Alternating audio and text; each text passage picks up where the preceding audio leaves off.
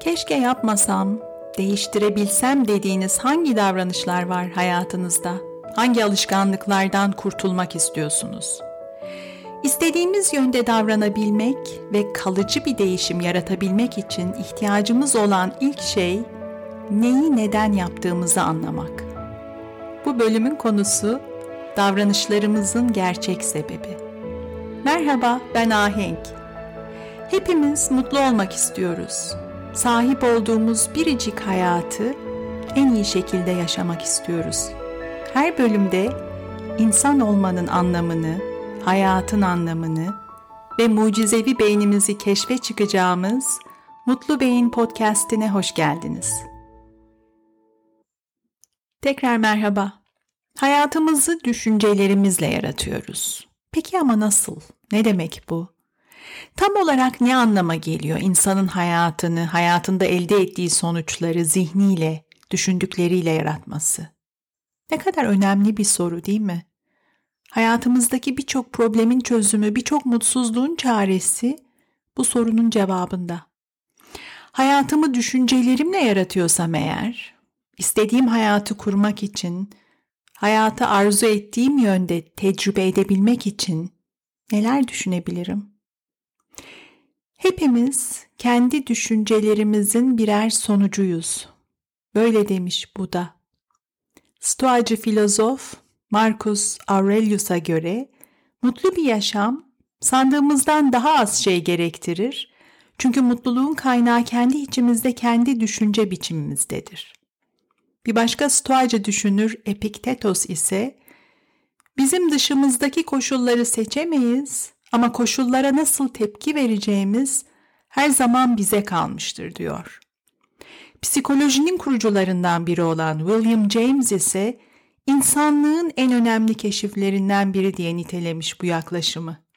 İnsanlığın en önemli keşiflerinden biri diyor, düşüncelerimizi değiştirerek hayatımızı değiştirebileceğimiz gerçeğidir.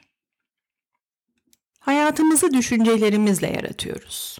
İnsanlık tarihi boyunca antik Yunan'dan bugüne dek dünyanın farklı coğrafyalarında, farklı düşünce akımlarında karşımıza çıkan ortak bir yaklaşım bu. Günümüzde en çok kullanılan terapinin, bilişsel davranışçı terapinin temelini de aynı bakış açısı oluşturuyor. Doğru davranışları dolayısıyla arzu ettiğimiz doğru hayatı yaratmak için yapmamız gereken önce yanlış düşüncelerden kurtulmak, yanlış, faydasız düşünce kalıplarını değiştirmek. Mutlu Beyin Podcast'i de bu temel yaklaşım üzerine kurulu. Ta başından beri defalarca vurguladığım, sıkça tekrarladığım gibi zihnimizin kalitesi, zihnimizin niteliği, hayatımızın niteliği demek. Zihnimiz neyse biz oyuz. Dönelim o çok önemli soruya. Peki düşüncelerimiz tam olarak nasıl yaratıyor hayatımızı? Bu bölümde bu konuyu ele alacağım. Şimdi şunu biliyoruz. Podcast'ı başından beri dinleyenler çok iyi biliyor.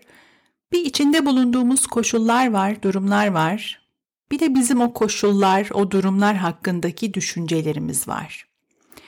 Koşullardan neyi kastediyorum? Bizim dışımızdaki, kontrolümüz dışındaki her şeyi aslında.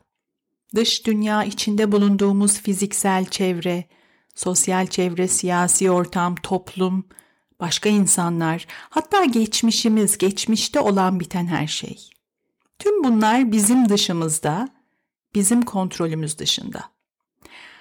Hayatımızın hemen her anında içinde bulunduğumuz durum hakkında hiç durmadan düşünüyoruz. Her şey hakkında bir düşüncemiz, bir fikrimiz, yorumumuz var. Baktığımız her şeyi yorumluyoruz. Kendi zihnimizin filtresinden süzüp yorumluyoruz. Her şey hakkında bir düşüncemiz, bir hikayemiz var. Düşünceler zihnimize yazılan cümleler. Önce bir şey düşünüyoruz, sonra o düşünce bir duygu yaratıyor. Düşündüğümüz her şey bir duygu yaratıyor. Peki sonraki adımda ne oluyor? İşte bugün konuşacağımız mesele bu. Bir şey düşünüp bir şey hissettikten sonra ne yapıyoruz? Hayatımızda yaptığımız çoğu şeyi sadece yaptığımız da değil, yaptığımız ya da yapamadığımız, yapmaktan kaçındığımız çoğu şeyi içinde bulunduğumuz duygu belirler. Bunu bir kez daha söyleyeceğim. Çünkü gerçekten hayatın, insan hayatının başlıca ilkelerinden biri bu. Ne zaman eyleme geçsek, ne zaman bir davranış ortaya koysak, ne zaman bir şey yapsak ya da bir şey yapmaktan kaçınsak, her eylem ve eylemsizlik içinde bulunduğumuz duygu tarafından yönlendirilir. Eylem ve eylemsizlik konusuna açıklık getirmek istiyorum. Yaptığımız ve yapmadığımız, yapmaktan kaçındığımız her şeyin gerisinde bir duygu var dedim. Korku örneği üzerinden daha net olarak anlatmaya çalışacağım bunu. Korku bazen bizi harekete geçirebilir, korkunun etkisiyle eyleme geçebiliriz. Mesela ıssız bir sokakta yürüyoruz, gitgide yaklaşan, hızlanarak yaklaşan ayak sesleri duyduk, arkamızdan biri geliyor kaçmak için, korktuğumuz için koşmaya başlayabiliriz. Bu durumda hissettiğimiz duygu yani korku bir eylem yaratmıştır. Bazen de tam tersi olur. Korku eylemsizlik yaratır. Korktuğumuz için bazı şeyleri yapmayız.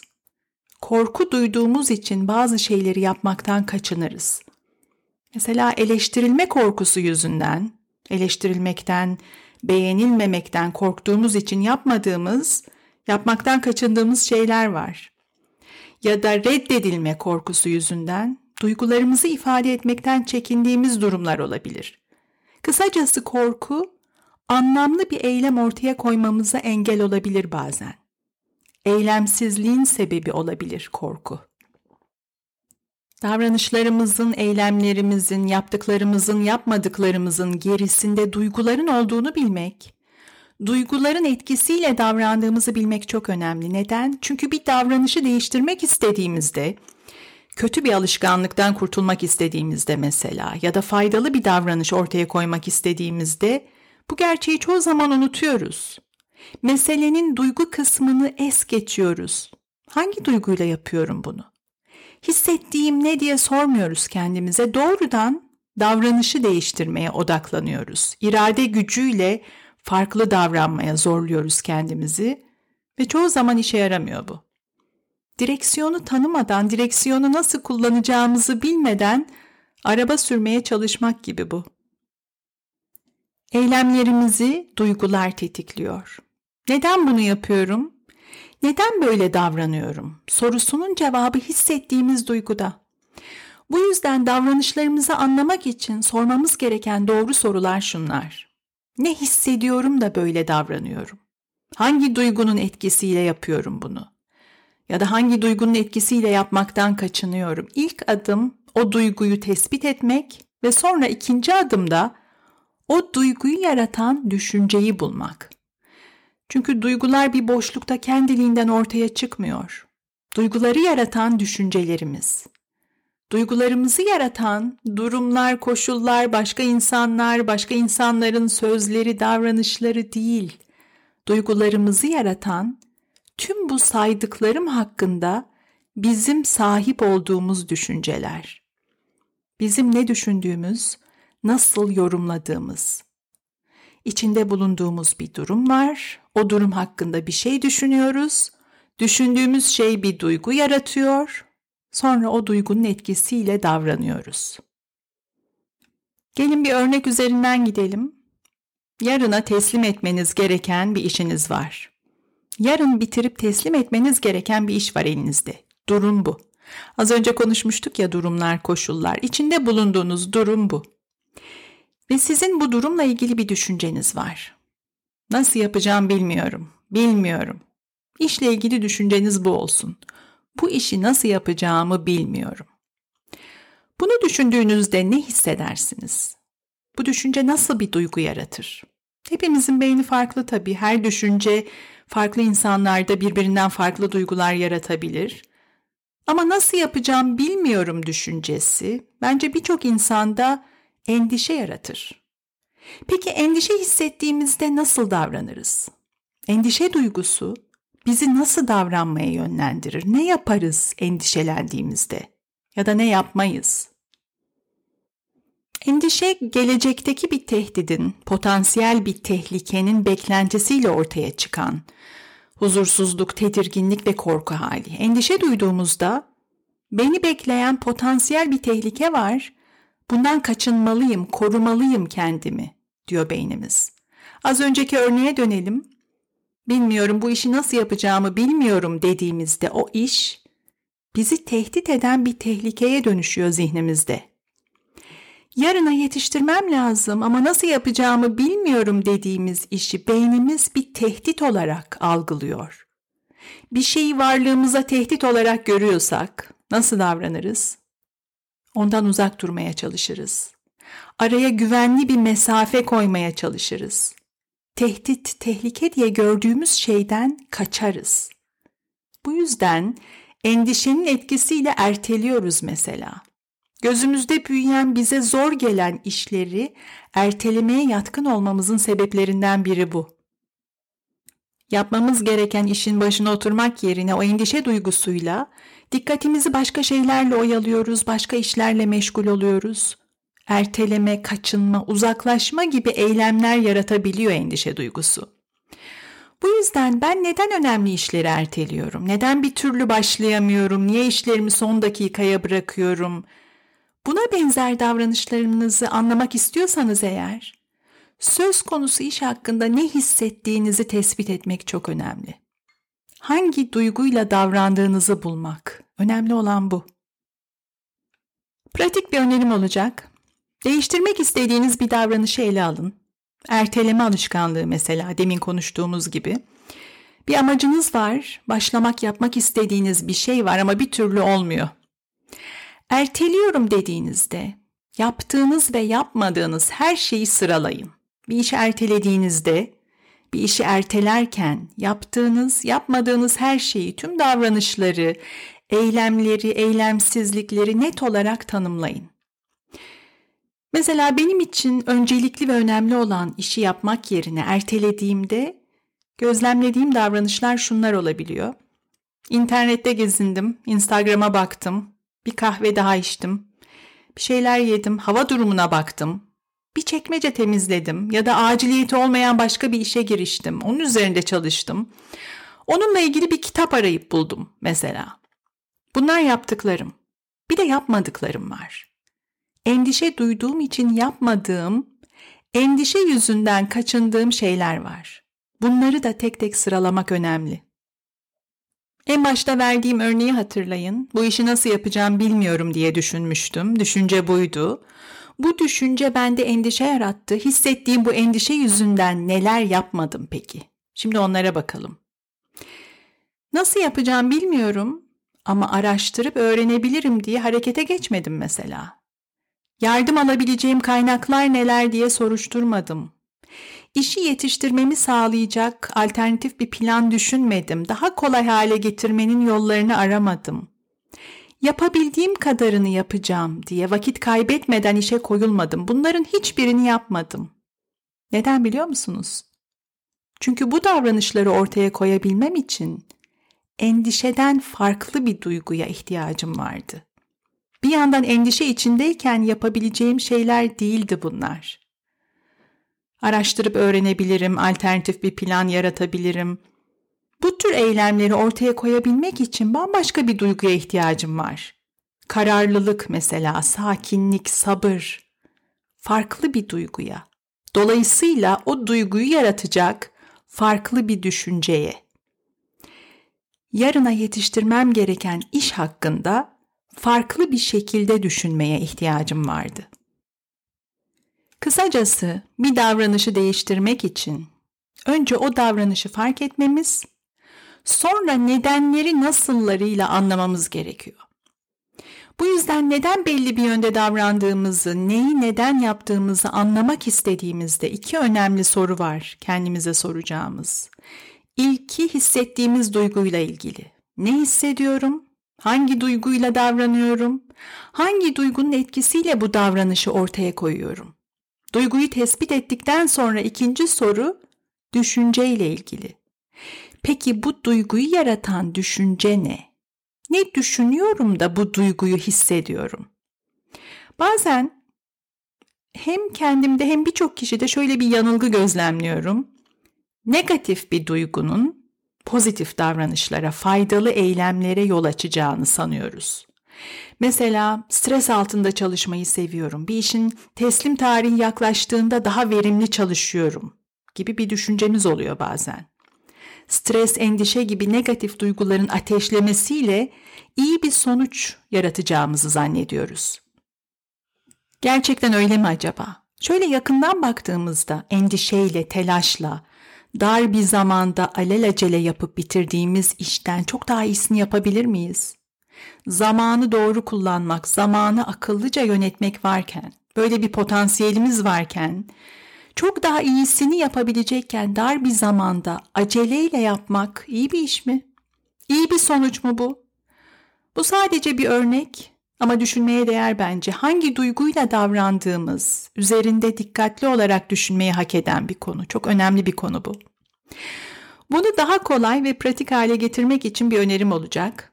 Anlamaya çalıştığınız davranış neyse, o davranışı ortaya koyduğunuz, o davranışı sergilediğiniz spesifik bir an bulun.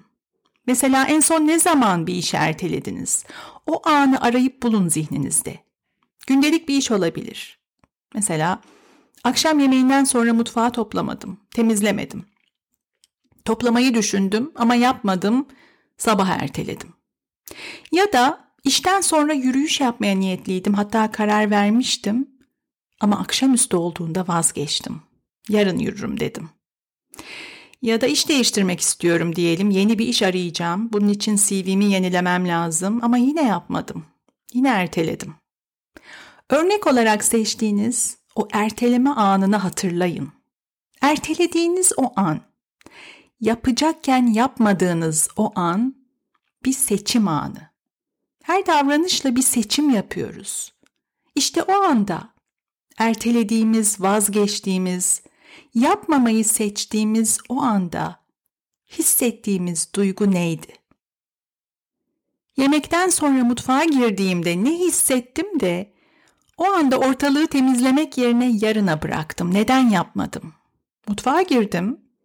Bulaşıklıklara, pardon, bulaşıklara, dağınıklığa baktım ve o durum hakkında bir şey düşündüm. O düşünce bende bir duygu yarattı ve o duygunun etkisiyle erteledim. Neydi o düşünce ve nasıl bir duygu yarattı? Her durum, her koşul, her olay hakkında bir düşüncemiz var ve duygusal tepkimizi yaratan düşündüğümüz şey. Ne diyordu antik çağ filozofu Epiktetos? İçinde bulunduğumuz durumları, dışımızdaki koşulları seçemeyiz ama koşullara nasıl tepki vereceğimiz her zaman bize kalmıştır. Bir davranışı değiştirmek için önce o davranışın gerisindeki duyguyu değiştirmemiz gerekiyor. Duyguyu değiştirebilmek içinse düşüncelerimizi değiştirmemiz lazım. Ve iyi haber şu, böyle bir gücümüz var. Bu güce sahibiz. Kontrol edemediğimiz her şey bir yana, üzerinde kontrol sahibi olduğumuz tek şey bu. Zihnimiz, düşüncelerimiz.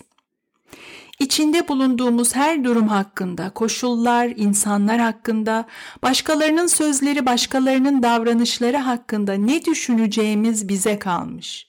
Dilediğimiz gibi düşünebiliriz.